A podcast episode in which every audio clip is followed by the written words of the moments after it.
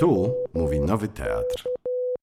Dzień dobry Państwu. E, Witam bardzo serdecznie na e, obchodach Międzynarodowego Dnia Tłumacza.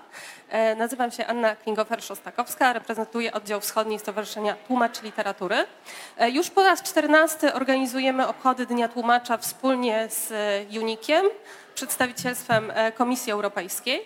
E, I w tym roku gości nas e, Nowy Teatr w Warszawie, któremu bardzo serdecznie dziękujemy. Chciałabym oddać głos e, José Carlosowi Diasowi, który w imieniu Uniku powie kilka słów i Rafałowi Lisowskiemu ze Stowarzyszenia Tłumaczy Literatury. Dziękuję. To może ja pierwszy. Dziękuję, Anu.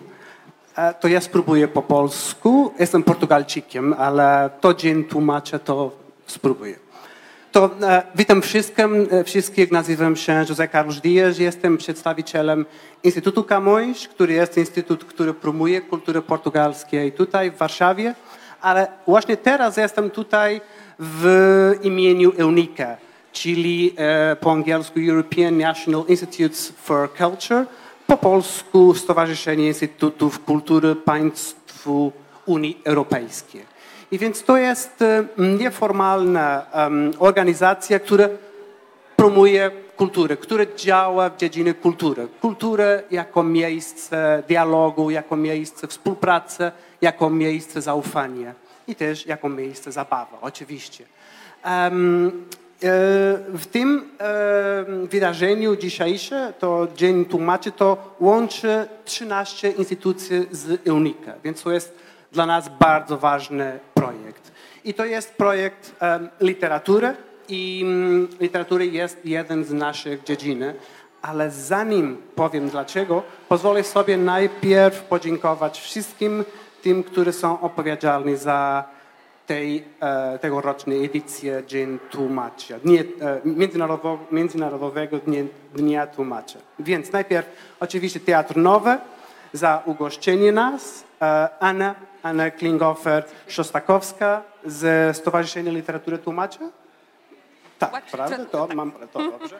Też Katarzyna Barzyńska-Chojnacka i Jacek Żuławnik. Jacek jest tutaj? Dobrze, dzięki. I, e, I jeszcze oczywiście Dorota Swinarska i zespół go tego Instytutu za koordynację całego projektu. Jak już e, wspominałem, to literatura jest bardzo ważną dziedziną dla UNIKE, a także dla mnie osobiście, ponieważ jestem wykładowcą literatury e, na Uniwersytetu Warszawskiego, wykładam literaturę portugalskiej. I, I więc literatura jest ważna, oczywiście wszyscy wiemy, ale literatura jest ważna, bo nas ocala, prawda? Ocala od niewiedzy, ocala od strachu, od izolacji, od też od nudy, od złamanego serca, od złamanego ducha też. E, Myślę, że wszyscy wiemy o tym. Mnie samą literaturę ratowało wiele razy i ratuje do dzisiaj. I wiecie o tym. I wiecie, I wiecie też, że literatura, która nas ratuje, nie zawsze jest w naszym ojczystym języku. Logiczny i oczywisty wniosek jest więc taki, że tłumacze też nas ocalają.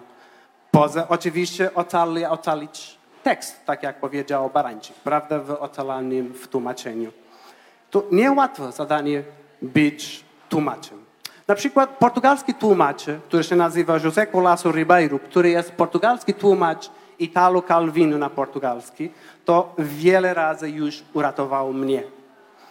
Powiedzmy czasami bardzo poważnych sytuacji. Więc chciałem więc zakończyć moje krótkie przemówienie, dziękując jeszcze raz e, w imieniu EUNIKA e, wszystkim, którzy dzięki wydarzeniu było możliwe, a w szczególności wszystkim tłumaczom tutaj obecnym. Dziękuję bardzo. Dziękujemy bardzo. Dzień dobry. I ja również chciałbym serdecznie powitać wszystkich e, w imieniu Stowarzyszenia Tłumaczy Literatury na no, e, półmetku w zasadzie naszych obchodów tegorocznych Międzynarodowego Dnia Tłumacza, bo tłumacze i tłumaczki jako grupa zawodowa słynąca z mm, imprezowego charakteru, jak już zaczynają, to czterodniówkę. Także żona mnie zapytała, jak spojrzała na kalendarz y, nasz tutaj reklamujący wydarzenie, w zasadzie dlaczego Międzynarodowy Dzień Tłumacza trwa cztery dni? No bo bo tyle jest do, do pomówienia i tyle jest do uczczenia. Także zaczęliśmy zresztą dla osób, które, które być może o tym nie wiedzą, zaczęliśmy w dzień, w Międzynarodowy Dzień Tłumacza, czyli dwa dni temu, premierą e, filmu Spacerkiem po przekładzie z Jerzym Jarniewiczem i Piotrem Pazińskim, który, e, którzy rozmawiają przez e, bitą godzinę o przekładzie w sposób bardzo pasjonujący.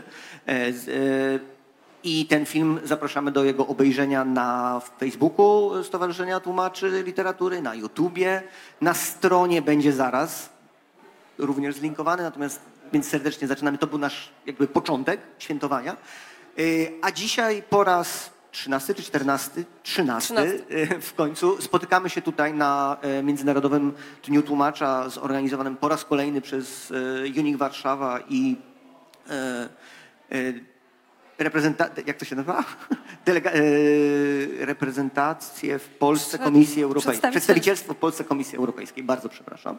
E, I ja mam wrażenie, że te, to święto, właśnie te obchody Dnia Tłumacza w Warszawie e, są od zawsze, w każdym razie w moim tłumackim, w mojej tłumackiej świadomości, dlatego bardzo się cieszę, że po raz kolejny my jako Stowarzyszenie Tłumaczy Literatury mamy przyjemność się w w te obchody zaangażować. W tym roku razem z Nowym Teatrem, który nas tutaj gości.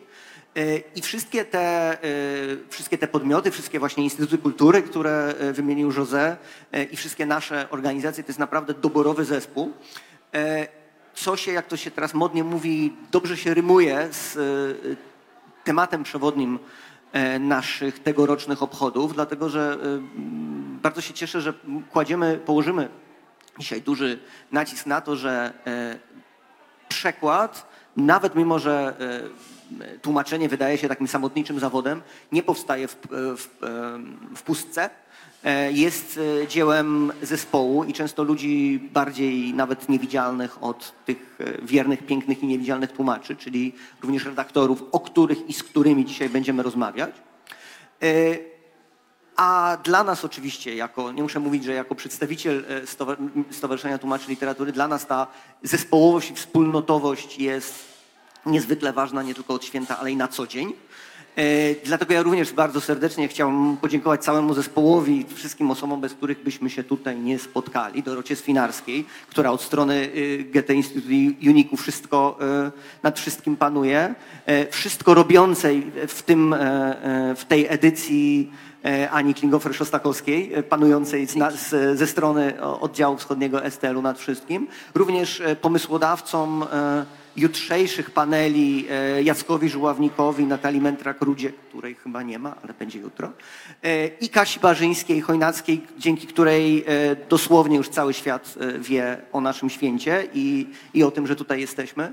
Także bardzo serdecznie wszystkim kolegom i koleżankom po literkach chciałbym E, życzyć wszystkiego dobrego z e, okazji naszego święta. Mnóstwo satysfakcji z tej pracy, zarówno tej symbolicznej, jak i tej materialnej. E, I zapraszam na rozmowę. Dziękuję bardzo. Dziękuję. E, zanim oddam głos e, doskonałej prowadzącej e, Dorocie Konowrockiej-Sawie, która poprowadzi panel tłumaczy o redaktorach, chciałam tylko słowo organizacyjne. O 16.30 rozpocznie się drugi panel tego dnia, redaktorzy o tłumaczach i do 18.00 będziemy mieli okazję porozmawiać. Dziękuję.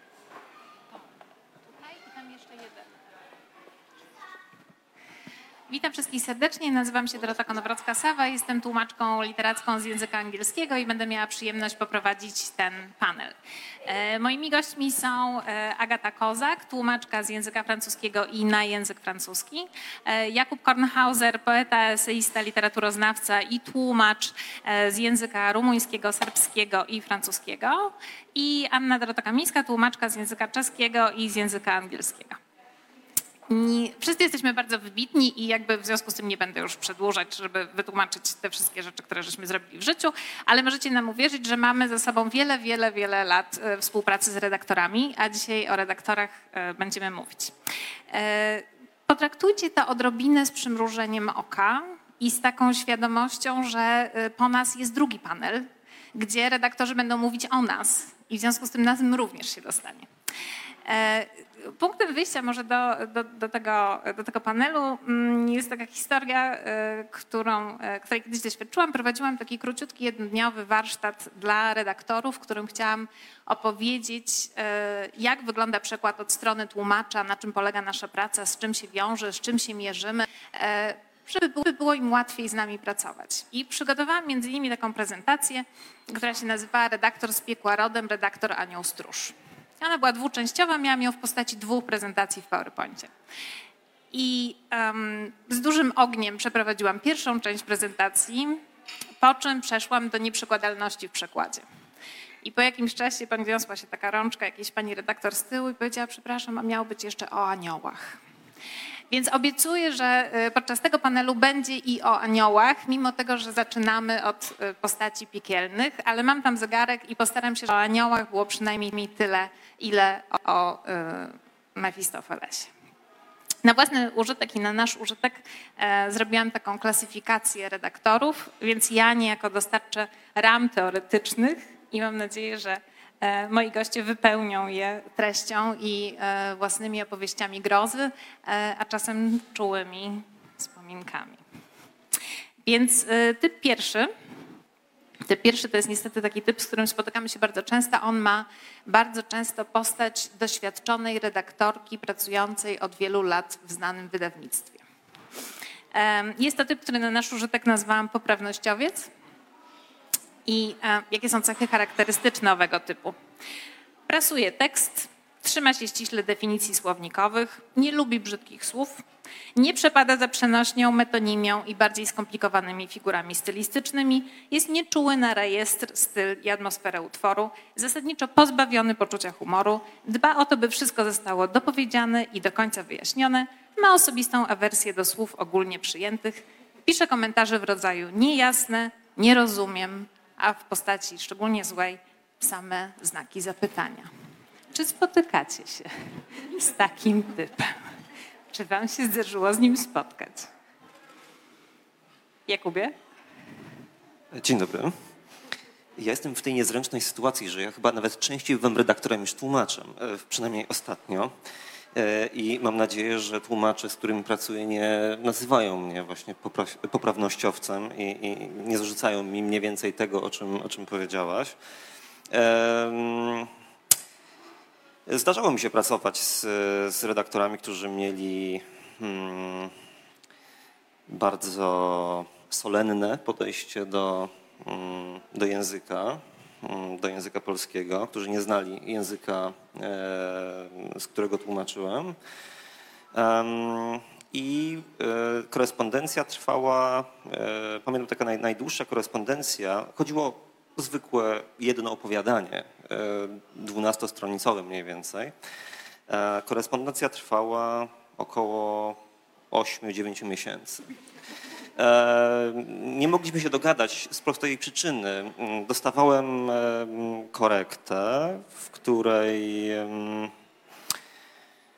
pojawiały się komentarze, na które chętnie odpowiadałem, nie zgadzając się na proponowane zmiany. No i otrzymywałem ten sam dokument z, komentarzami e, redaktorki, która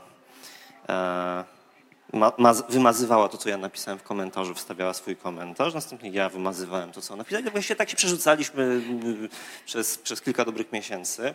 Chodziło o opowiadanie rumuńskiego e, pisarza Gerasima Luki, piszącego po francusku, e, to, to z francuskiego, e, który mm, jest dość charakterystyczny, jeśli chodzi o awangardę rumuńską, bo to jest pisarz, który Mm, tworzy zdania ciągnące się na 4-5 stron, jedno zdanie. Więc tam jest y, ten problem, że pojawiają się bardzo często powtórzenia, zdania podrzędnie złożone są wprowadzane za pomocą e, podobnych słów i trzeba coś z tym zrobić, albo uznać, że to jest rodzaj konwencji, którą pisarz e, stosuje. No i dyskusja była, ile razy można wprowadzać zdanie za pomocą który y, po prostu w ramach jednego dużego zdania, prawda? Czy nie wiem, czy mniej niż 20 razy to jest ok, czy, czy trzeba jakoś mniej niż 10 razy. E, No i tak dalej. Więc jakby ja się zgadzałem na pewne drobne e, sugestie, ale co do zasady uważam, że to jest starannie wymyślona przez autora zasada, której nie można zmienić. Nie będę się zgadzał na zastępowanie cały czas imię słowami czynnymi bądź innymi które mm, przeplatają się z przymiotnikami, tworząc jakąś, jakiś dziwny, dziwny e, konglomerat wyrazów, który nie wiadomo e, w, w którym miejscu się znajdujemy. E, Zresztą swoją drogą, no, na, na swoją obronę, cały czas obronę, e, mm, no powiedzmy, na swoją obronę przywoływałem e, teorię, która stała za całym pisarstwem Gerasima Luki i, i, i rumuńskiego sur, surrealizmu akurat. E, Tam e, pisarze bardzo wyraźnie mówili o właśnie o tej całej idei wprowadzania kolejnych zdań, zamiany podmiotu e, w dopełnienie i tak dalej. Jakby to, to się cały czas dzieje w tych tekstach, no ale... A czy było ci łatwiej prowadzić tę rozmowę jako językoznawcy i jako redaktorowi, który dysponuje tym arsenałem, który można wytoczyć? No jak się okazuje, nie. Znaczy, być może e, zdawało mi się, że mam e, za sobą argumenty, które powinny e, przesunąć, mm, em, czy przynajmniej przybliżyć zwycięstwo w tej dyskusji na, e, w, w, w, na moją stronę, ale, ale okazało się, że niekoniecznie. No i potem musiałem się zgodzić niestety na większość e, sugestii redaktorki, bo inaczej tekst w ogóle nie wszedłby do druku. To była akurat kwestia mm, nie książki, tylko jednego opowiadania, które miało iść w jakiejś antologii, czy w jakimś, już nie pamiętam, czy w czasopiśmie i e, tu była kwestia jednak terminów, które goniły. Mm, No już trudno, po- powiedzmy, że, że tak to by- było, ale e, tekst e, pójdzie w wydaniu książkowym już e, bez tych problemów. Agato, wydaje mi się, że ty opowiadałaś mi w którymś momencie w, przez telefon takie historie. Tak, tak. No ale y, tu muszę powiedzieć, że wydawnictwo miało najwyraźniej dużo czasu, a my, my bardzo często y, nie możemy sobie pozwolić na taki dialog z, y, z redakcją, bo, bo tego czasu nie ma. No więc chciałam też uzupełnić ym, Twoje y, y, te kategorie. y, Nie tylko, ponieważ mamy z jednej, z jednej strony y, starą, doświadczoną redaktorkę, czy też redaktora, ale mamy również zupełnie nieopierzonego redaktora. I on też może być z piekła rodem. Tak, to jest coś, o czym ja Tak, pomyślałam, że tak. właściwie tą kategorię należy, znaczy e, reprezentanta takiego typowego tej kategorii należałoby uzupełnić o em, młodego redaktora świeżo po em, ukończeniu polonistyki, m, lat 30. który dostał pierwsze zlecenie od dobrego wydawnictwa i bardzo chce wykonać dobrą pracę. Yy, I związku z tym yy, rzeczywiście spędza mnóstwo czasu nad tekstem, yy, po czym yy, tłumaczka odrzuca 98% poprawek, którymi po prostu tekst jest usiany. Ja zresztą nie wiedziałam. Ja poświęciłam ponad tydzień na skonstruowanie wyczerpujących odpowiedzi yy, na wszystkie uwagi tłumacza. No, yy, Państwo wiedzą, że y, tłumacz nie dostaje za to pieniędzy, to znaczy po prostu y, redakcja i, i, i- korekta już się za- y, zawierają w cenie y, w stawce za arkusz.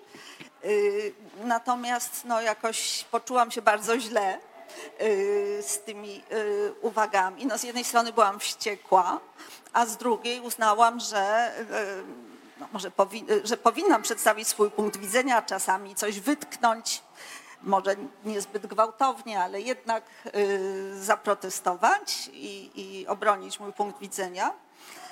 Y, To było też bardzo trudne, bo, y, bo to wszystko odbywało się na piśmie, to znaczy y, nie rozmawialiśmy przez telefon, nie widzieliśmy się.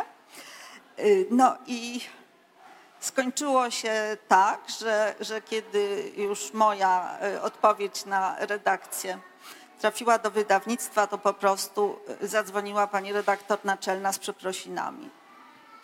Z jednym zdaniem. Więc y, zdarzają się takie y, naprawdę nie, nie, niemiłe sytuacje i uważam, że, że ten młodzieniec rzeczywiście był redaktorem z piekła rodem. Aniu, chciałaś coś dodać? A to znaczy, ja chciałam powiedzieć, że ja mam w sumie szczęście, bo ja wiem o takich redaktorach, natomiast już od dawna z takim nie miałam do czynienia i, i wcale tego nie żałuję. A kiedy na taką panią wpadłam, to było dawno, kiedy jeszcze całe, wszystko to wyglądało inaczej, pracowało się na papierze. Ja miałam chyba 21 lat, ja zaczęłam bardzo wcześnie, a pani miała no, znacznie więcej i niestety ta książka była romansem, bynajmniej nie jakoś drastycznym, natomiast pani była ogólnie przeciwniczką romansów, więc ona miała nie tylko do mnie zastrzeżenia, ale do tej książki jako takiej w ogóle. I, i, a ja byłam na, na straconej pozycji. No, połowa studiów, któraś tam już moja chyba trzecia czy czwarta książka, ale te pierwsze były malutkie, więc to, to nie no. A y, no, kom, kompletnie tutaj jakby nie było miejsca do dyskusji, natomiast y, ta dyskusja chyba przebiegła gdzie indziej, bo potem dostałam przeprosiny od wydawnictwa, że, prostu że nie powinni byli tej pani brać do tej książki, y, nie zauważyli, że ona się jej nadaje. Ale czy w związku z tym ten romans został tak wyprasowany i przybrał postać opowieści dla grzecznych dziewczynek? Aż tak dramatycznie nie było, bo ktoś, to, ktoś inny to po prostu poodwracał. No, to zrobił to, co ja nie miałam odwagę. Natomiast od tego czasu właśnie sobie uświadomiłam, mam ten odruch, że ile razy ja muszę w tekście wstawić, do tekstu wstawić jakieś gorsze słowo, czy słowo uważane za obraźliwe w tekście takim, e, który inaczej nie jest, albo nie daj Panie Boże zrobić błąd ortograficzny, bo czasami trzeba, to zawsze wstawiam komentarz na marginesie, proszę tego nie poprawiać. Tak, to jest też, też coś, co ja robię. E, Przejdźmy do drugiego typu. Nasz e, drugi typ to jest redaktor narcystyczny. Redaktor narcystyczny bez wahania ingeruje w styl przekładu, śmiało skraca i przepisuje zarówno autora, jak i tłumacza.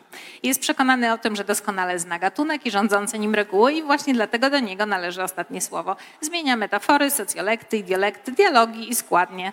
Jest zaskoczony, gdy tłumacz uświadamia mu, że to do niego należy ostatnie słowo i w takiej sytuacji stawia czynny opór. W skrajnym przypadku przesyła tekst bez zaznaczonych zmian albo nie przesyła go w ogóle. Czy z taką postacią zdarzyło Wam się spotkać? Gdzie jest...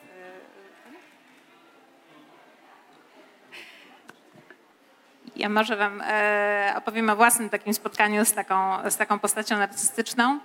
Mm, To było spotkanie, które zakończyło się rozwiązaniem współpracy. E, Po szóstym rozdziale mojego pisania, znaczy przygotowywania przekładu, a po pierwszym rozdziale pracy z redaktorem nad tym przekładem, e, kiedy redaktor bardzo śmiało przepisał całość i na moją uwagę, że no dobrze, to w takim razie teraz pochylmy się nad tymi poprawkami i część zatwierdzę, część nie zatwierdzę, odpowiedział, nikt nie ma czasu się tym dalej zajmować i ustalmy, że ja mam ostatnie słowo. E, Na co zapytałam, ale dlaczego w takim razie mi przesyła ten tekst w ogóle? E, Na co usłyszałam odpowiedź, że po to, żebym mogła się czegoś nauczyć. Było to stosunkowo, znaczy nie było to tak znowu bardzo dawno temu, bo to było jakieś 10 lat temu, więc e, poczułam, że na pewno oczywiście mogę się czegoś nauczyć, ale myślę, że nie w tych okolicznościach. E, Tym bardziej, że zmiany zawierały między innymi, e, zapamiętałam taką frazę, technologie przyłożone do komputerów. Tak zmienił pan redaktor, na co mu odpisałam, że może sobie przyłożyć kompres na czoło i na tym zakończyliśmy współpracę. Ja chciałem tylko dodać, że e, chyba wielu jest e, twórców wśród tych redaktorów narcyzów. To znaczy rzeczywiście ludzi, którzy sami, sami piszą i są jednocześnie redaktorami. I tutaj e, z- to jest nawet bardzo ciekawe, ponieważ można mm, e, przeczytać tego samego autora, powiedzmy przetłumaczonego przez mm, kilku redaktorów, którzy są jednocześnie pisarzami, to jest pięciu różnych autorów się robi, prawda? No bo to jest pięć różnych e, poetyk, pięć różnych e, jakichś e, propozycji. Wydaje mi się to nie- niezwykle ciekawe. Znam takich pisarzy, poetów, na przykład Tomasza Szalomuna, sło- słoweńskiego poetę, najbardziej znanego, który był tłumaczony chyba przez sześcioro czy siedmioro tłumaczy i za każdym razem jest trochę inny jednak. I to, i to, i to jest ciekawe, bo to mm, znając w oryginale te, te teksty, można bardzo ciekawe jakieś paralele tutaj stosować. Jak bardzo, w jakim stopniu e, tłumacze e, którzy są jednocześnie redaktorami i autorami, wpływają na ten, e, na ten jakby styl, styl tworzenia. Jakby to jest ba, ba- bardzo ciekawy jakiś taki konglomerat, prawda? Bycie jednocześnie tłumaczem, autorem, redaktorem, bycie mm, gdzieś, gdzieś, tam, gdzieś tam pomiędzy. A czy tobie bycie tłumaczem pomaga w byciu lepszym redaktorem, czy wręcz przeciwnie, to są jakieś inne buty, w które e, wchodzisz i, e, a czy może jest tak, że e, zaczynając redagować gdzieś tam z tyłu wchodzi ci tłumacz, który mówi, zrobiłbym to inaczej, wiem jak to zrobić lepiej. Nie, nie, nie, właśnie nie, zupełnie nie. Ja bardzo e, lubię jakieś takie e, e, oryginalne pomysły, e, pomysły tłumaczy i zdecydowanie w ogóle jak, jak najmniej w ogóle ingeruję w, w, w jakieś takie indywidualne style, które się tworzą. Mm, e, Zawsze, zawsze mnie to chyba em, po prostu interesowało jako czytelnika również, to znaczy w jaki sposób e, taka, taka działalność się e, e, wydarza i co tutaj się dzieje. Aniu, a czy ty jako redaktorka masz problem ze zmienianiem tych kapeluszy? E, Raz, nie próbujesz e, być tłumaczem wtedy, kiedy powinieneś być redaktorem i odwrotnie? Znaczy, jakbym ja nie była tłumaczką, to nie była redaktorką, bo do mnie generalnie trafiają książki w rodzaju ten przekład chyba jest nie najlepszy. Proszę na to spojrzeć. Czyli e, właśnie ja nie, nie mogę całkiem, e, całkiem nie myśleć jak tłumacz, bo muszę. e, No, naprawdę były takie, że trzeba było iść zdanie po zdaniu z oryginałem i sprawdzać, bo bardzo dziwne rzeczy się, się tam działy. A jest co najmniej teraz ostatni przypadek jest taki, że w sumie ja, ja już jestem teraz tam wymieniona jako tłumacz, bo poprzednia tłumaczka e, no, daleko idące zmiany w tym tekście dokonała według własnego, znaczy z jednej strony to, co było, to przetłumaczyła nie najlepiej, a z drugiej strony y, to taki jest poradnik życiowy dla dzieci, to tam wprowadziła jakieś zmiany, które według jej zdaniem powinny się tam znaleźć. Po prostu własny światopogląd tam mm, odzwierciedlała. E, I ja starannie wszystkie te spore powyrzucane fragmenty postawiałam z powrotem i ona wycofała swoje nazwisko z tej książki. Myślę, że trudna jest e, sytuacja współpracy z takim redaktorem. Między innymi dlatego, że on nie zawsze ma wyłącznie złe pomysły. To znaczy zazwyczaj jest to jakiś, e, jakieś połączenie pomysłów dobrych i złych. I nam jako tłumaczom po prostu strasznie dużo czasu zajmuje oddzielenie e, tych ziarnek maku od e, ziarnek piasku i jednocześnie zrobienie w taki sposób, tego w taki sposób, żeby nie obrazić tego redaktora i nie zniechęcić go całkowicie do współpracy z nami, więc przynajmniej jak ja Mam rzadką na szczęście okazję współpracy z redaktorem Narcyzem, no to czuję się jak e, ktoś, kto usiłuje jednocześnie ugłaskać e, tego człowieka i przekazać mu, że robi dobrą robotę, ale jednakowoż obronić swoje rozwiązania i nie pozwolić mu rozgościć się zbyt mocno w tekście, który jednak jest moim przekładem. To mi się zdarzył, przepraszam, paradoksalnie taki nieredaktor. E, Znowu w tej samej książce, y, tam gdzie autorka jest jednocześnie wydawcą, więc to już jest taka trochę dziwna kombinacja. I ona tę wersję ostateczną już przy korektach pokazała swojemu nauczycielowi polskiego, bo ona się uczy polskiego, e, który y, poinformował, że on ma wątpliwości co do po niektórych słówek i, i spędziliśmy łącznie chyba 3,5 godziny na Zoomie e, kłócąc się o poszczególne słówka, przy czym to było na zasadzie, czy, że w, je, w jego języku, czy ubrania się wkłada, zakłada, czy nakłada. No, takie w sumie kompletnie niepotrzebne dyskusje, czy można tu powiedzieć e, kozak, czy nie można powiedzieć kozak w tym kontekście, bo on by nie powiedział, a ja bym powiedziała i, e, i, i na tej zasadzie jakieś e, tego rodzaju dyskusje. Z tym, że no, tu jest tak, że gdyby on nie, nie został niepotrzebnie moim zdaniem zaproszony do tego, to on w ogóle by się o to nie otarł, ale przyznaję uczciwie, że w dwóch miejscach naprawdę wpadł na bardzo dobry pomysł. I, i te, te pomysły uwzględniłam, natomiast teraz po prostu postawiłam po prostu, że jemu się nie podoba, on tego nie musi czytać. Praca nad, y, nad takim tekstem poprawionym w ten sposób jest przykra, mm, dlatego że w człowieku po prostu rośnie wściekłość, prawda? złe emocje i to jest, y, no to jest bardzo niemiłe, bo po, po, po co, po, dlaczego mam się tak denerwować? Wolałabym nie. Y, Chciałabym jednak y, jednocześnie oddać y, hołd niektórym starym redaktorkom bo tutaj prawda, mamy te y, klasyfikacje i wiadomo, że hasłowo mówimy o tej y, pani y, bardzo przywiązanej do y, hiperpoprawności. Natomiast, y, natomiast y, stare, dobre redaktorki ze starej szkoły y, były też wspaniałym zjawiskiem. I, I myślę, że czasami właśnie tęsknimy za takimi redaktorkami czy redaktorami ze wspaniałym warsztatem, wspaniałą znajomością polszczyzny, może nie tak dobrą znajomością y, współczesnej angielszczyzny, y, czy pomysłowością, jeśli chodzi o y, wulgaryzmy, ale mm, były to osoby, które, które potrafiły bardzo, bardzo cenne uwagi formułować. O aniołach na szczęście będzie, jest na drugiej stronie.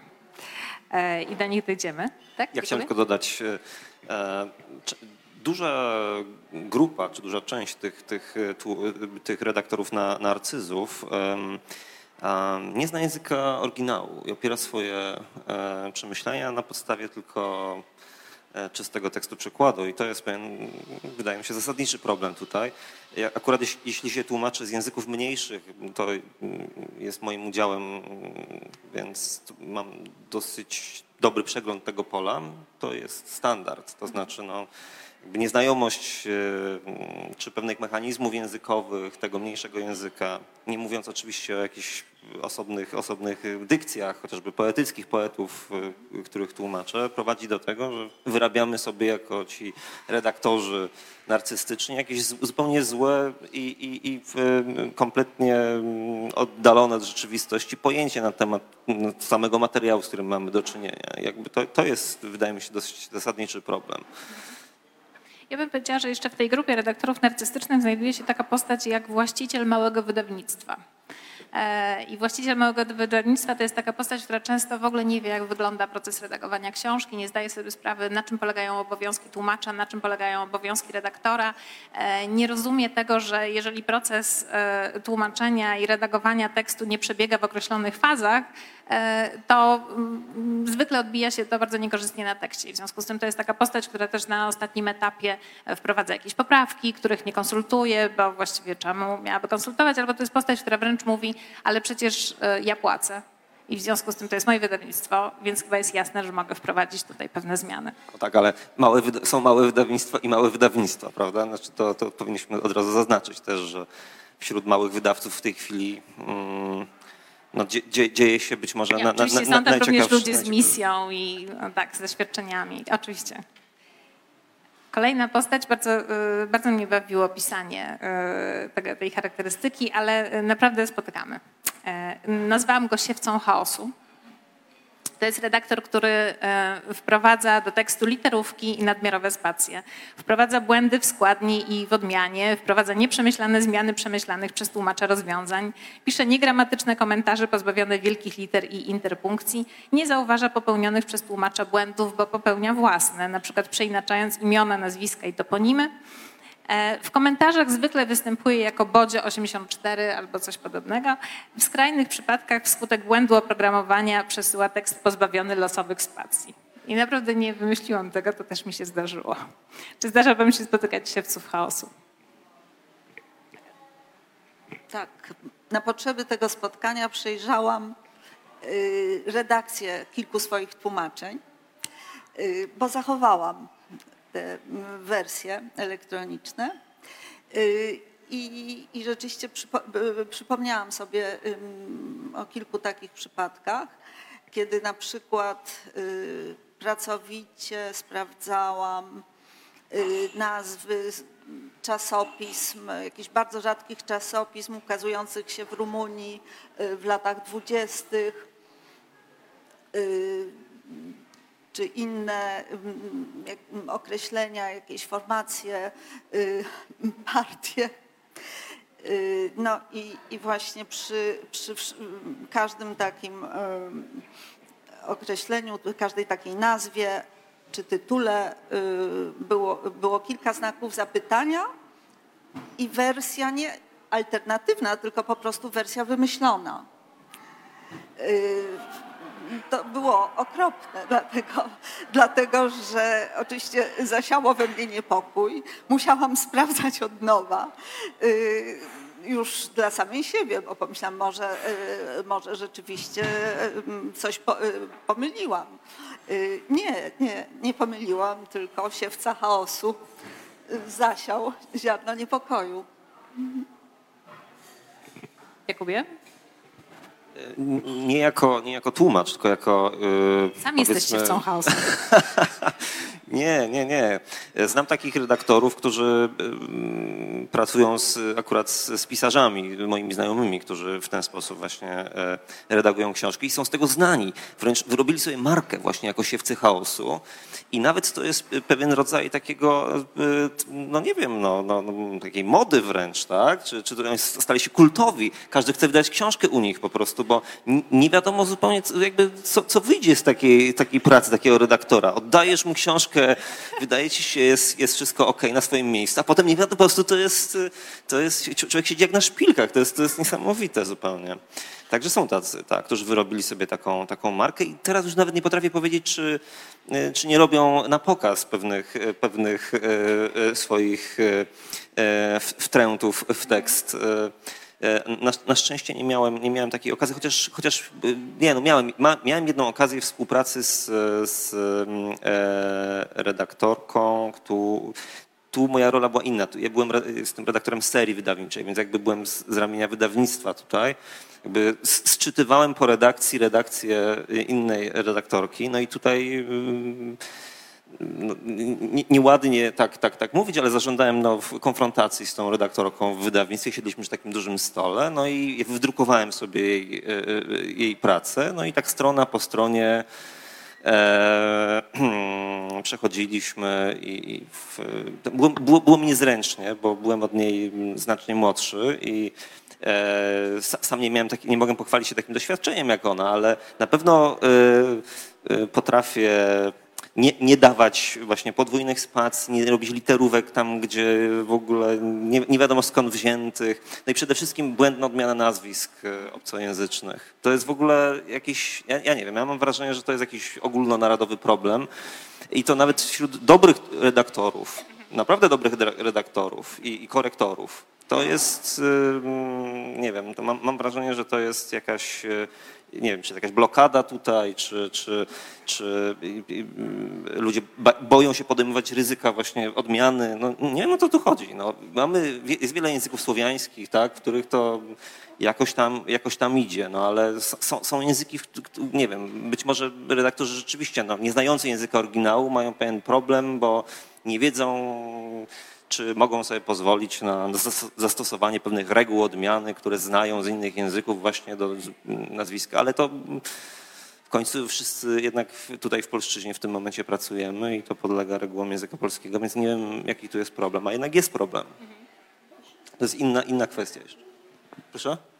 Zmieniają się, tak, tak. No to, to prawda, no to prawda. Pojawiają się wyzwania też różne, różne są, są, są imiona i nazwiska, które są wyzwaniami, ale Aniu, chciałaś dodać o jakimś swoim spotkaniu z siewcą? Ja chciałam tylko dodać, że na szczęście nie wpadłam na takiego redaktora do tej pory i mam nadzieję, że tak zostanie. Ja przepraszam, jeszcze jest jeden redaktor taki, który zmienia specjalnie e, pagi, paginację. Po prostu to jest niesamowite. On tutaj coś, coś miesza właśnie specjalnie, albo robi dwie szesnaste strony na przykład, żeby było śmieszniej. Także to jest pewna gra potem z, z tłumaczem czy z pisarzem, który musi sobie radzić z czymś takim. Nie patrzyłam na to nigdy w ten sposób. E, Kolejny redaktor to jest taki redaktor, który, e, z którym mamy kontakt krótki, przelotny zwykle. Ja go nazywam chybcikiem i e, charakteryzuje się tym, że wprowadza bardzo nieliczne poprawki i właściwie go nie ma. I problem polega na tym, że wzbudza w tłumaczu przekonanie, że albo ten tłumacz jest genialny, w związku z tym tam nic nie trzeba przekonywać, albo też po prostu redaktor nie miał albo czasu, albo serca. E, Tylko nie wiadomo, czy nie miał serca do tekstu, czy nie miał serca do autora, czy nie miał serca do tłumacza, czy do wszystkiego jednocześnie, czy może po prostu stawka za redakcję była tak niska, że nie uzasadniała większego wkładu pracy, a charakteryzuje się tym, że zwykle jest więcej poprawek na początku i na końcu i prawie nie ma ich w środku. I z mojej perspektywy jako tłumacza jest to postać dość kłopotliwa, bo y, jednak przygotowując przekład, no, liczę na to, że gdzieś ktoś poda mi pomocną dłoń i zauważy te wszystkie głupie błędy, które popełniłam, których staram się nie popełniać, no ale jestem tylko człowiekiem, że gdzieś ktoś wyłapie, że bohater, który mm, występuje w zielonej koszuli na początku rozdziału, na końcu rozdziału ma koszulę niebieską, e, albo też, że postać rozmawia sama ze sobą, bo w którymś momencie już w zmęczeniu o godzinie 23 e, tak poplątałam imiona. No i zwykle ten redaktor nie wychodzi mi naprzeciw, nie podaje mi pomocnej dłoni, w związku z tym czuję się dość porzucona. Czy trafiacie na takie postacie?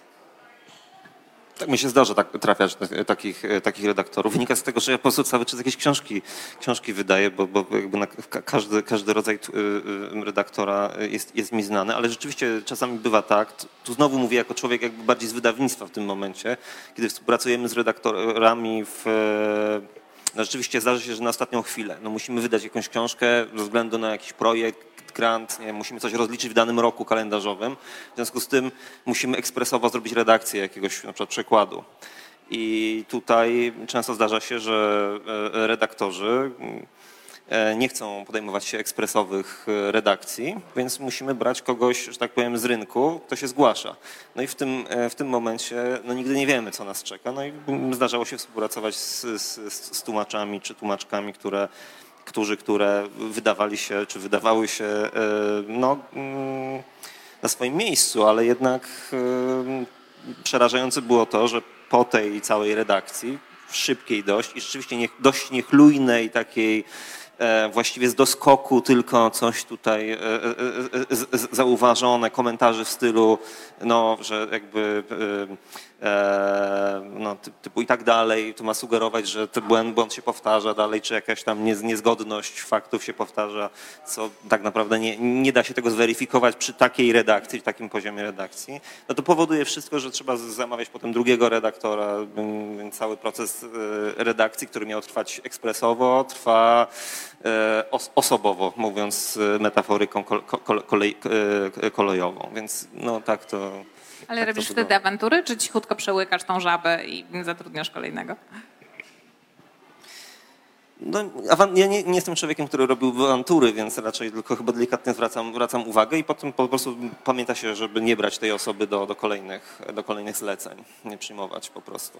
Ale no, zdarzają się takie, takie sytuacje, że, że to, to, to wymusza no, jakby no, jakaś odgórna konieczność. No. Właściwie to jest ten moment, kiedy spokojnie możemy przejść do aniołów.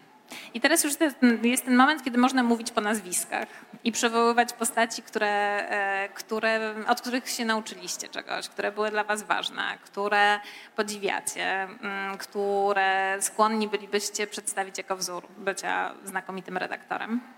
I tutaj takich, takich postaci, takiej postaci mam trzy. Właściwie pierwszą nazwałam pedagog i to jest ktoś, kto, kogo jest dobrze spotkać na początku tłumaczeniowej kariery, bo to jest ktoś, kto potrafi nami pokierować, to jest ktoś, kto potrafi nam pokazać, jak powinna wyglądać dobra redakcja, jak powinien wyglądać proces przygotowywania książki w przekładzie. Zwykle to jest posiadacz i dystrybutor doskonale opracowanego dokumentu pod tytułem wytyczne redakcyjne. Ja niestety taki dokument coraz rzadziej oglądam e, i, coraz rzadziej się zdarza, że ktoś mi coś takiego przesyła, ale mm, miałam to szczęście, że kiedyś e, dostałam taki dokument e, od pana bardzo dobrego redaktora, którego z przyjemnością wymienię po nazwisku, od pana Błażeja Szmatiuka z wydawnictwa Helion, który przesłał mi dokument wytyczny redakcyjny, który miał 51 stron. I najpierw jak to zobaczyłam, to zupełnie zbladłam i, e, i pomyślałam, że to się dobrze nie skończy, ale okazało się, że po wstępnych przymiarkach do tego jest to bardzo dobre narzędzie, które bardzo, bardzo wiele rzeczy ułatwia. E, I on był dla mnie takim kimś, takim przewodnikiem i, i, taką osobą, która pokazała mi, w jaki sposób merytorycznie e, podejść do tekstu. To jest ktoś, kto jest zdyscyplinowany i wymagający, ale przy tym cierpliwy i konkretny. Jest doświadczony i kompetentny, ale przy tym elastyczny i uprzejmy. Wie, co robi, wie, po co to robi, wie również, co należy do obowiązków jego, co do obowiązków tłumacza. Chętnie dzieli się wiedzą, naprowadza, ukierunkowuje. Brzmi to jakoś tak bardzo idealistycznie, ale takie postaci e, cały czas się zdarzają, cały czas je, e, cały czas je spotykam. Kogo wy chcielibyście e, przedstawić nam jako jako przykład takiej postaci? Czy jakie doświadczenia swoje chcielibyście przywołać w tym kontekście? Nie wierzę, że nie ma takich więcej redaktorów. Tak, ja właściwie mogłabym chyba przywołać trzy postaci, ale, ale zacznę od pierwszej, najważniejszej, y, nieżyjącej już pani Heleny Żyd, Żydkiewicz, y, która pracowała w y, Iblu przez długie, długie lata. I jednak przekręciłam nazwisko Żydkowicz, od Żydka, jak mi kiedyś sama powiedziała, jak od Ży, Żyto, czyli Żydko, małe Żyto. Y, Pani Helena uratowała mi kiedyś życie. To znaczy, y, redaktor, który zupełnie jakoś nie, mm, nie, wiem, nie zrozumiał, czy nie miał ochoty zrozumieć poetyki tekstu przetłumaczonego przeze mnie, mm, odrzucił ten tekst. Y, Wtedy wydawnictwo y, zaproponowało mi y, znalezienie, zaproponowanie swojego redaktora. Pewien znajomy pisarz polecił mi właśnie panią Helenę, no i to było objawienie po prostu.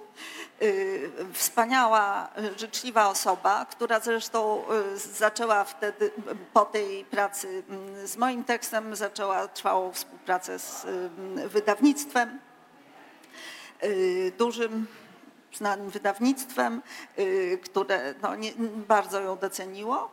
I, i, I właśnie to była taka y, szlachetna, stara redaktorka, y, która y, powiedziała mi, proszę pani, ja mam tylko jedną zasadę.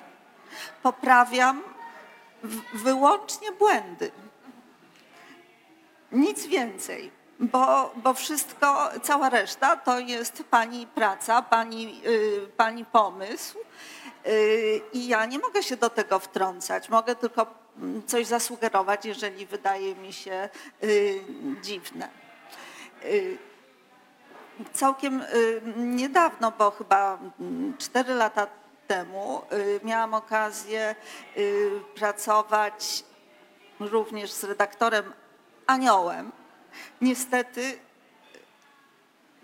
awansował, czy też objął inną funkcję w wydawnictwie. Y, I, i nie możemy już y, prowadzić rozmowy w komentarzach.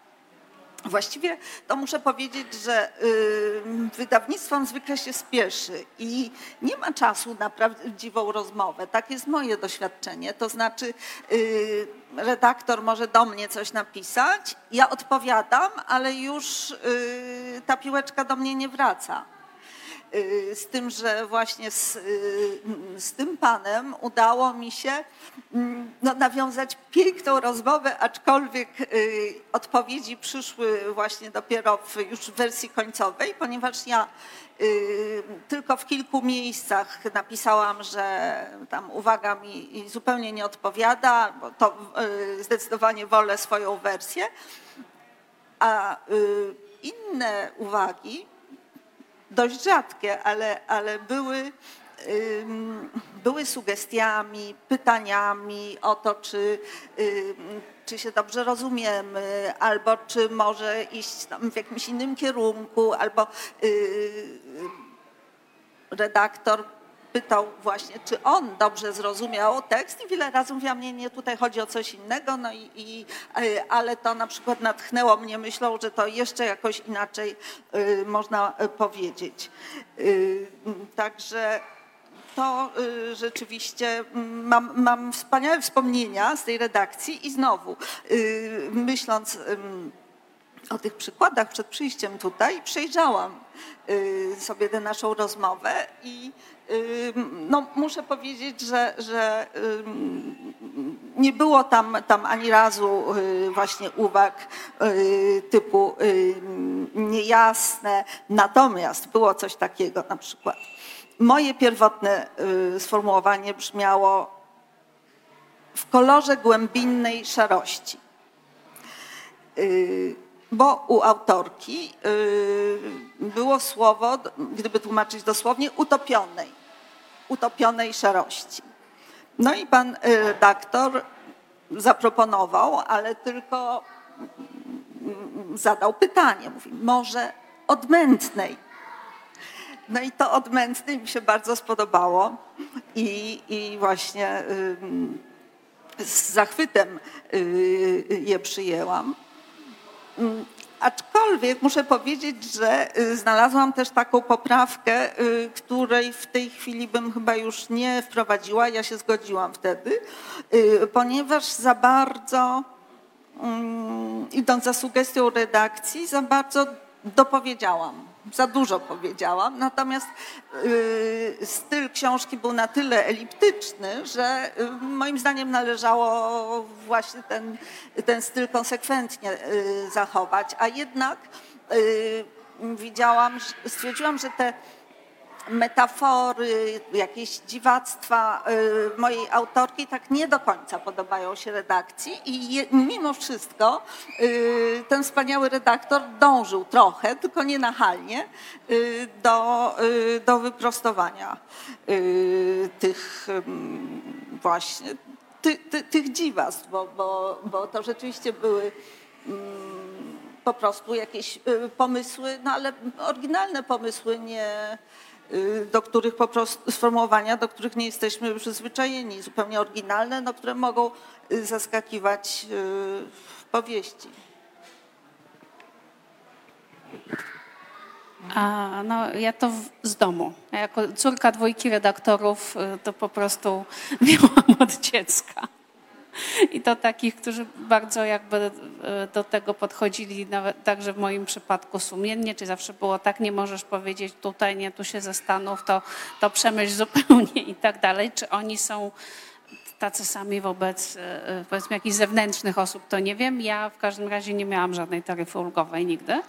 Ale odbierałaś to jako męczącą ingerencję, czy jako życzliwe prowadzenie? Różnie, w zależności od powiedzmy no, własnego nastroju, etapu rozwoju i tak dalej, bo tu prawda jeszcze inne czynniki wchodziły. E, czasami nauczyłam się jak, się, jak wybronić e, czegoś, bo musiałam wytłumaczyć, dlaczego moim zdaniem powinno być tak, a nie inaczej.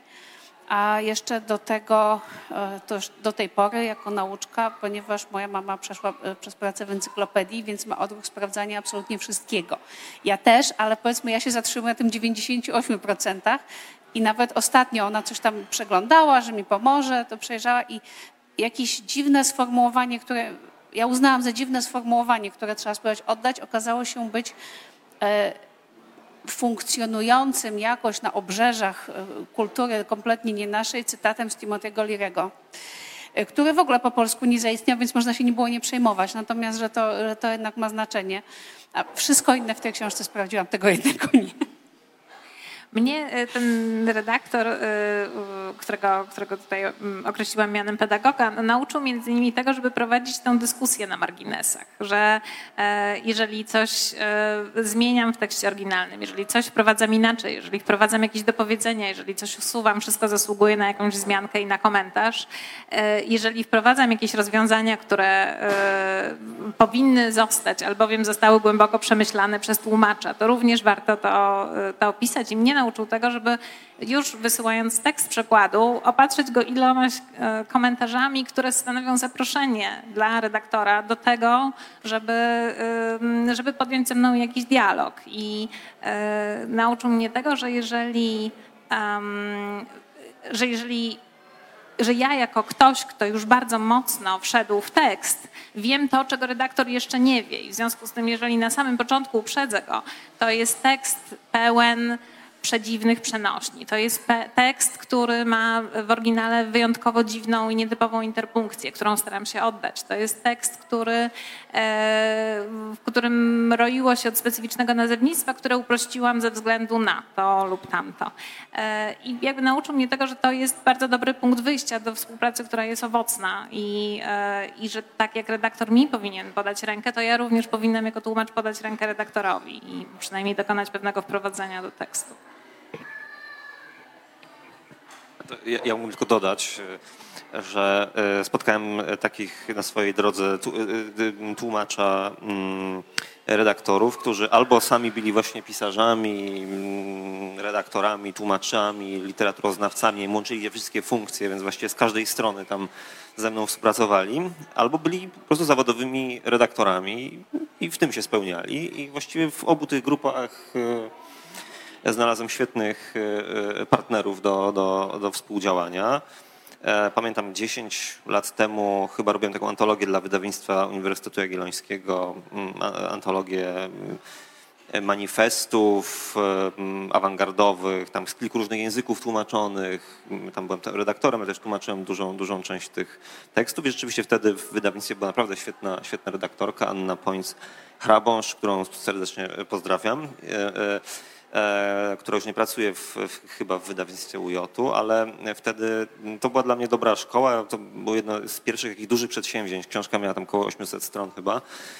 I rzeczywiście to była redaktorka, która niezwykle skrupulatnie zajęła się redakcją. Bardzo e, dokładnie śledziła wszystkie teksty, wynotowywała sobie wszystkie powtórki, pytając, czy te powtórki są zamierzone, niezamierzone. Więc to była świetna rzeczywiście taka rozmowa, bardzo merytoryczna, jednocześnie właśnie mm, sympatyczna i nie sprawiająca em, jakichś em, no, negatywnych konsekwencji potem, bo czasem tak, tak bywa. No, ja sam miałem takie jakieś przygody z, z, z redaktorami, że to się różnie, różnie kończyło. Nie, żeby rękoczyny oczywiście od razu, ale e, e, e, no więc e, chętnie ją wyróżnię. Mm, Jeśli chodzi o e, o e, mm, współpracę z e, Adamem Pluszką. Na przykład, to bardzo miło wspominam. E, Adam jest też oczywiście kolegą poetą i kolegą, tłumacz, kolegą tłumaczem, ale także kolegą redaktorem i z nim jako redaktorem robiłem jakąś książkę kilka lat temu mołdawskiego pisarza Dumitru Krudu i też wspominam te, e, te mm, to przedsięwzięcie mm, bardzo, bardzo miło. Pamiętam taką jedną sytuację, w której zastanawialiśmy się obaj, jak e, najlepiej e, oddać po polsku taki celowo nieporadny, właśnie jakby nie do końca gramatyczny, nie, jakiś taki z, z, z, bez zachowania ym, rytmu i rymu e, e, wiersz, taki sonet właściwie tego mołdawskiego poety. E, Bardzo, e, bardzo ciekawe propozycje Adam tutaj e, podsuwał, właśnie roz, rozszerzając, e, rozszerzając e, liczbę mm, sylab w wersach, albo skracając, albo dodając jakieś dziwaczne e, asonanse, jakieś rymy, które po prostu się nie trzymały kupy, ale jednocześnie w jakiś sposób tam e, się e, e, znajdowały swoje miejsce, więc to, te, te współpracę bardzo dobrze pamię, pamiętam i, i w sumie wspominam jako, jako, coś, jako coś miłego. I oczywiście pamię, chciałem pozdrowić tutaj serdecznie moich, moje koleżanki i kolegów z literatury na świecie. To też była dla mnie y, duża, y, duża, duża szkoła y, te kilka dobrych lat temu, kiedy tam pracowałem jako redaktor. Mm, Pierwsza taka większa praca.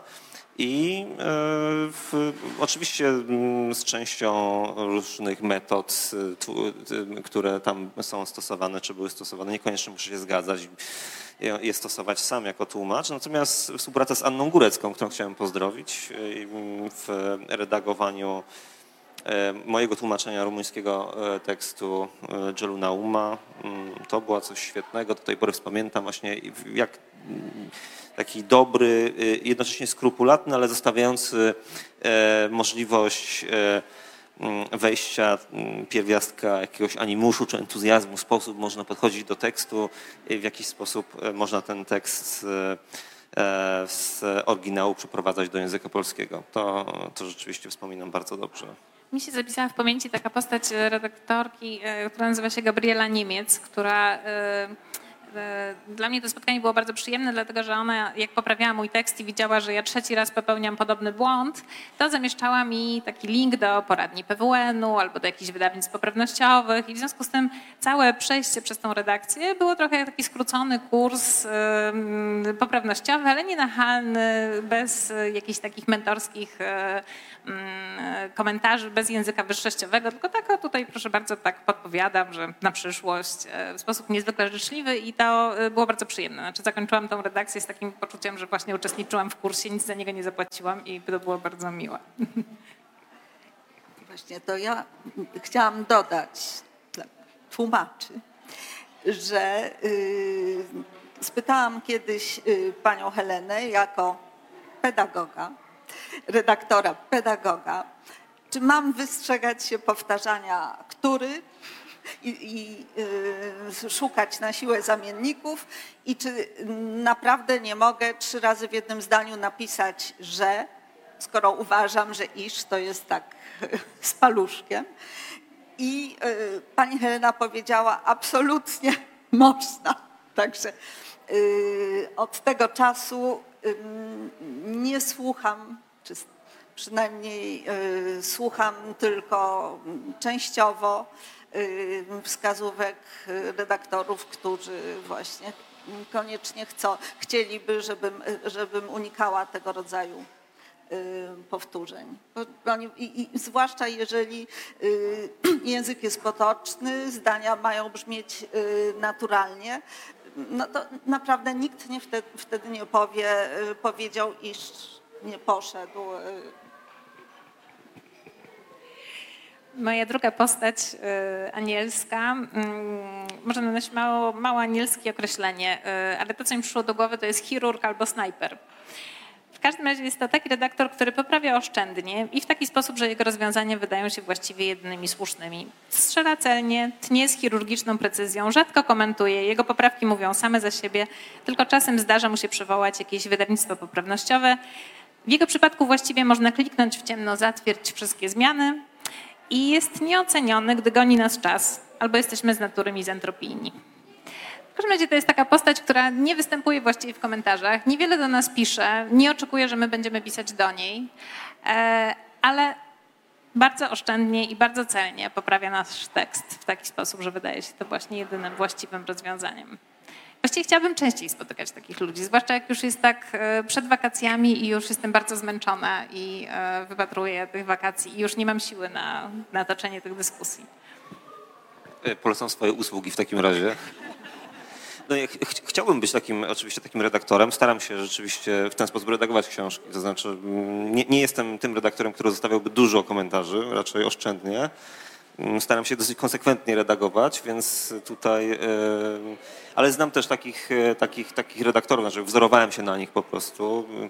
E, Stąd, stąd doceniam ich pracę i wiem, że to, że to jest coś, co no, nie przychodzi aż tak łatwo. To znaczy, tu rzeczywiście trzeba, trzeba i solidnego doświadczenia, i jakichś specyficznych cech charakteru również, które mm, pomagają w takim, w takim redagowaniu.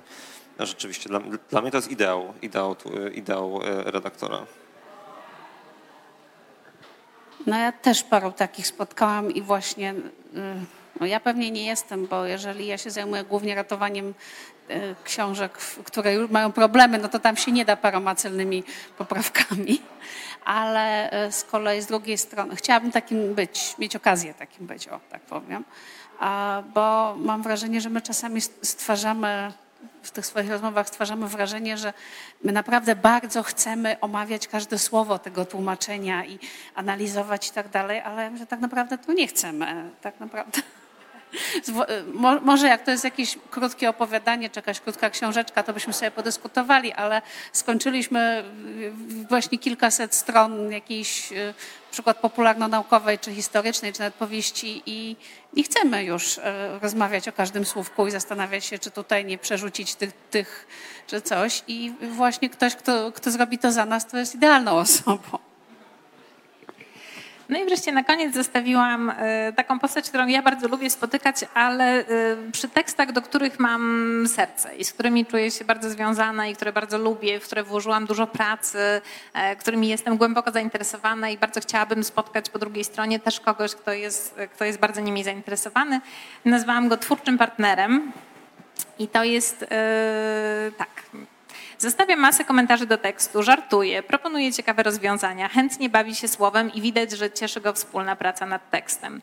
Proponuje konkretne zmiany, często w kilku wariantach, chwali ciekawe rozwiązania translatorskie. To o tym czasem jako tłumacze naprawdę marzymy, żeby ktoś nas pogłaskał po głowie i powiedział świetne, to jest bardzo dobre, sam bym nie wpadł.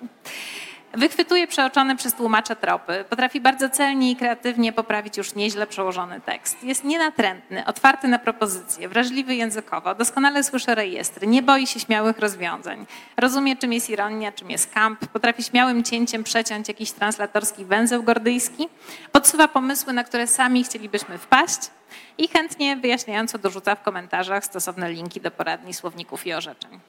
E, I może to jest też tak, że to jest taki typ redaktora, który po prostu nam się trafia wtedy, kiedy są dobre teksty, no, bo być może różne teksty wyzwalają różne y, redaktorskie osobowości. I ta, ta sama osoba, która w jednym przypadku jest chirurgiem albo e, wręcz chybcikiem, w drugim przypadku może być twórczym partnerem, bo to jest właśnie ten tekst, który y, ona sama może chciałaby tłumaczyć, a może sama chciałaby go przeczytać po prostu. Gdzie szukać takich redaktorów? Czy, nie mam pojęcia, może gdzieś rosną na drzewach. Y, Ja wpadałam, owszem, wpadałam na takich, nie mówię o rodzinie w tym momencie, ale to była kwestia szczęścia. A, bo rzeczywiście akurat ostatnio, y, ostatnio mi się zdarzało, nie wiem czy dlatego, że wydawnictwu zależało na tej książce i dobierało idealny zespół do niego, czy, e, czy po prostu tak wyszło. E, Natomiast to jest najpiękniejsze. A być może jest jeszcze jedna sytuacja, której nikt nie powiedział, czyli tak, myśmy coś napisali, redaktorowi to się nie podoba, on zaznaczy, że mu się nie podoba, rzuca jakąś inną propozycję i w tym momencie spływa natchnienie i tworzymy dokładnie to tak, jak to powinno brzmieć, co nijak nie przypomina żadnej z tych wersji. E, To może nie jest zasługą redaktora tak naprawdę, ale, e, ale Myślę, że bycie inspiracją absolutnie nie jest No zasługą właśnie. redaktora. Tak? Ale no może być, jeżeli jakby nas nastroił odpowiednio do tego. Nawet jeżeli sam nie trafił na rozwiązanie, to nastroił nas do tego, żeby, żeby jednak odnaleźć. No, ale jest to ktoś chyba, który, kto w każdym razie jest w stanie stworzyć taką atmosferę twórczej współpracy i gdzieś e, wykrzesać taką iskrę, która z kolei w nas jest w stanie rozpalić Właśnie, jakiś ale dodatkowy płomień. skąd oni się biorą, to niestety to wszyscy chcielibyśmy wiedzieć. No, trzeba powiedzieć, że redaktor redaktorowi nierówny po prostu. I tak jak są różni tłumacze, prawda, to, to są y, mm, różni redaktorzy, no, po prostu. Y, ja, y, zdarzyło mi się poprosić wydawnictwo y, o to, żeby przyłożyło szczególną wagę do y, doboru redaktora do jakiejś książki, bo, bo bardzo mi zależało na tej książce i po prostu y, chciałam od razu mieć do czynienia z kimś, kto, y, kto poczuje ten tekst. No i rzeczywiście wydawnictwo przychyliło się ym, do prośby. Y, Z tym, że muszę powiedzieć, że, że w tych w wszystkich przypadkach y, takiej bardzo dobrej i y, absolutnie bezkonfliktowej y, współpracy, mm, to jednak ta, właściwie prawie nigdy nie było ingerencji, tylko były, były, były jakieś drobne sugestie. I właściwie od tego zaczął się list od redaktora, że, że mm, ja tutaj nic nie chciałbym zmieniać, ale y, właśnie y, jakoś tam odczytałem tekst na swój sposób i, i, i, i mam parę y, sugestii. I że rzeczywiście wtedy zwrócił mi uwagę na, na jakieś rzeczy, które pozwoliły mi, tak jak ty o tym mówisz, y, wymyślić jakieś y, trzecie rozwiązanie. Znaczy stwierdziłam, że rzeczywiście to nie było najlepsze, propozycja też mi się specjalnie nie podoba i wtedy y, y, spływa natchnienie. No ja rzadko, e, rzadko trafiam na takich tłumaczy, bo żeby do taki, e, na takich redaktorów, bo żeby doszło do takiej współpracy, to mm, wydaje mi się, że ten redaktor musi no, świetnie też znać język oryginału. I Tłumacząc z małych języków, powtórzę, nie jest to standard, że redaktorzy znają język e, e, e, redaktorzy znają język oryginału, więc tutaj myślę, że to jest chyba bardzo, bar- bardzo istotny czynnik. Więc być może kiedyś wydaje, mi się że to też są takie praca. postaci, które potrafią jakby wiedzieć bardzo dużo na temat zasad edycji tekstów, ale jednocześnie nie zgubić gdzieś takiej dziecięcej radości płynącej w ogóle z obcowania z literaturą. I jakby nie zapominają, dlaczego my to wszystko robimy, dla kogo to robimy i po co te książki w ogóle są wydawane. Jestem bardzo z siebie dumna, ponieważ jest godzina 16.17 i to oznacza, że idealnie wyrobiłam się w przeznaczonym dla nas czasie. W związku z tym pozostaje mi bardzo podziękować wszystkim naszym gościom, Państwa zaprosić na przerwę i przypomnieć, że o godzinie 16.30 spotykamy się tutaj na drugą część. Tym razem redaktorzy będą mówić o tłumaczach. Dziękuję. Dziękujemy.